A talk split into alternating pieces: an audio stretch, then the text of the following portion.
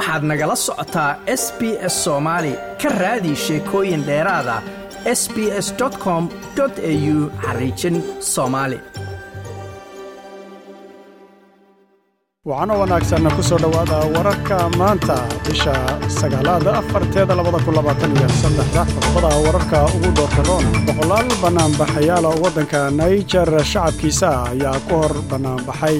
xarunta amaba fadhiisimaha ciidamada faransiiska ee magaaladaasi niyami baiden ayaa isagu rajaxumo ka muujiyey ka maqnaanshaha madaxweynaha shiinaha shir madaxeedka dalalka labaatanka ah g waddanka indiya ayaa ugu dhawaaqday in midowda afrika lagu biiriyo waddammada g ga laysku yidhaahdo oo ka dhici doona shirkoodu waddankaasi indiya goordhow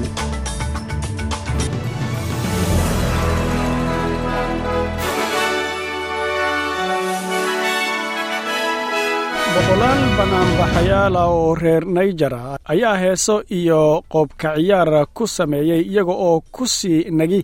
habeenkii labaad ee axaddii sebtembar saddexda ay ahayd afaafka saldhigga ciidamada faransiiska ee caasimadda niyami ku sugan. Fadhiga ayaa yimid kadib bannaanbax ballaaran oo lagu dalbanayay in ciidamada faransiiska laga saaro dalkaasi taasoo timid kadib afgembigii militariga oo baariis ay iyadu diidday inay aqoonsato. Afgembigii julaay labaatan iyo lixda kaasoo isagu ka mid ah afgembiyada ka dhacay dalalka galbeedka iyo bartamaha afrika tan iyo labadii kun iyo labaatankii oo ilaa siddeed isku gaaraya ayaa soo jiidatay quwadaha caalamka oo ka walaacsan in loo bedelo xukunka militariga gobolka oo dhanba saamaynta ugu ballaaran ayaa ah faransiiska oo saamayntii uu ku lahaa dalalka uu horay u gumaysan jiray ee galbeedka afrika oo hoos u dhacay sannadihii u dambeeyey. Ciidamada faransiiska ayaa laga saaray dalalka deriska la'ah naijer sida maali iyo burkina faso taniyo markii ay afgembiga ka dhaceen dalalkaasi taasoo yaraysay kormeeridda faransiiska dagaalka gobolka ka socda ee ay qaybta ka ahayd madaxweynaha maraykanka jo biden ayaa isagu waxa uu muujiyey niyad xumada uu ka qaaday ka maqnaanshaha dhiggiisa shiinaha shi jinping oo isagu shirkaasi kooxda labaatanka ee g la yidhaahdo ee lagu wado indiya in uu toddobaadkan gudihiisa ka dhaco isagoo shaaca ka qaaday in uusan rajaynayo inuu kulan la yeesho isagoon si caddaynin kulankaasi qaabka uula yeelanayo maadaama uusan imanayninba maraykanka ayaa waxay u arkaan shirkan g ga in ay tahay iskuday xidhiidhka lagu wanaajinayo u dhexeeya washington iyo bikin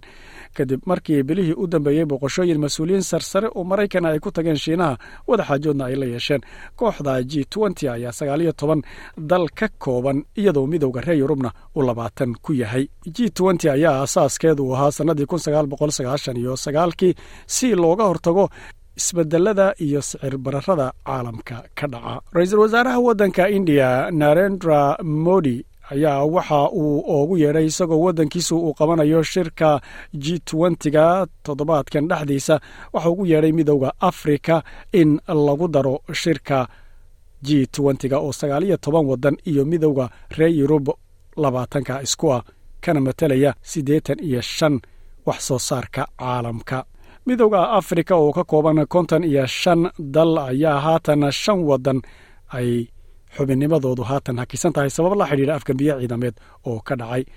Modi ayaa waxa uu isagu sheegay waddankiisu inuu xal u keeni doono howlaha siyaasadaha ee murgaxsan ayna tahay caalamku inuu isbeddelka aqoonsado dhacay covid wixii ka dambeeyey madaxweynaha maraykanka jo biden ayaa isaguna bishii disembar waxa uu muujiyey in midowda afrika ay tahay in mar hore lagu daro g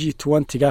si joogto ana uu xubin ooga noqdo isagoo intaasi ku daray in arrintani ay dib u dhacday balse ay tani xaqiiqoobi doonto. Waxaase jirta keliya waddanka koonfur afrika inuu ka mid yahay g gan marka la eego waddamada midowda afrika ku midaysan xubin ka tirsan golaha deegaanka gold coast oo lagu eedeeyey dil ayaa la weydiiyey inuu sharaxo sababta ay tahay inaan shaqada looga joojinin. Mushaarkiisuna weli uu qaato. Xubinkaasi oo rayan bildon lumsden la yidhaahdo ayaa lagu soo oogay dacwad dil ah oo uu u geystay ilmo uu adeer dheer u yahay bishii horeete kadib markii ay boolisku ka heleen meydka guriga mas'uulkaasi. Waxaa lagu sii daayey damiin inta uu sugayo maxkamadda. Kusimaha premierka stephen miles ayaa sheegay in uu warqad u diray mas'uulkaasi si uu u sababeeyo xaaladan uu ku sugan yahay ee shaqadana uu sii wato dembigana lagu soo ogay. Mas'uulkan ayaa waxa uu haystaa ilaa jimcaha sebtembar sideedeeda inuu ka doodo arrintaasi dowladdu ay la beegsatay.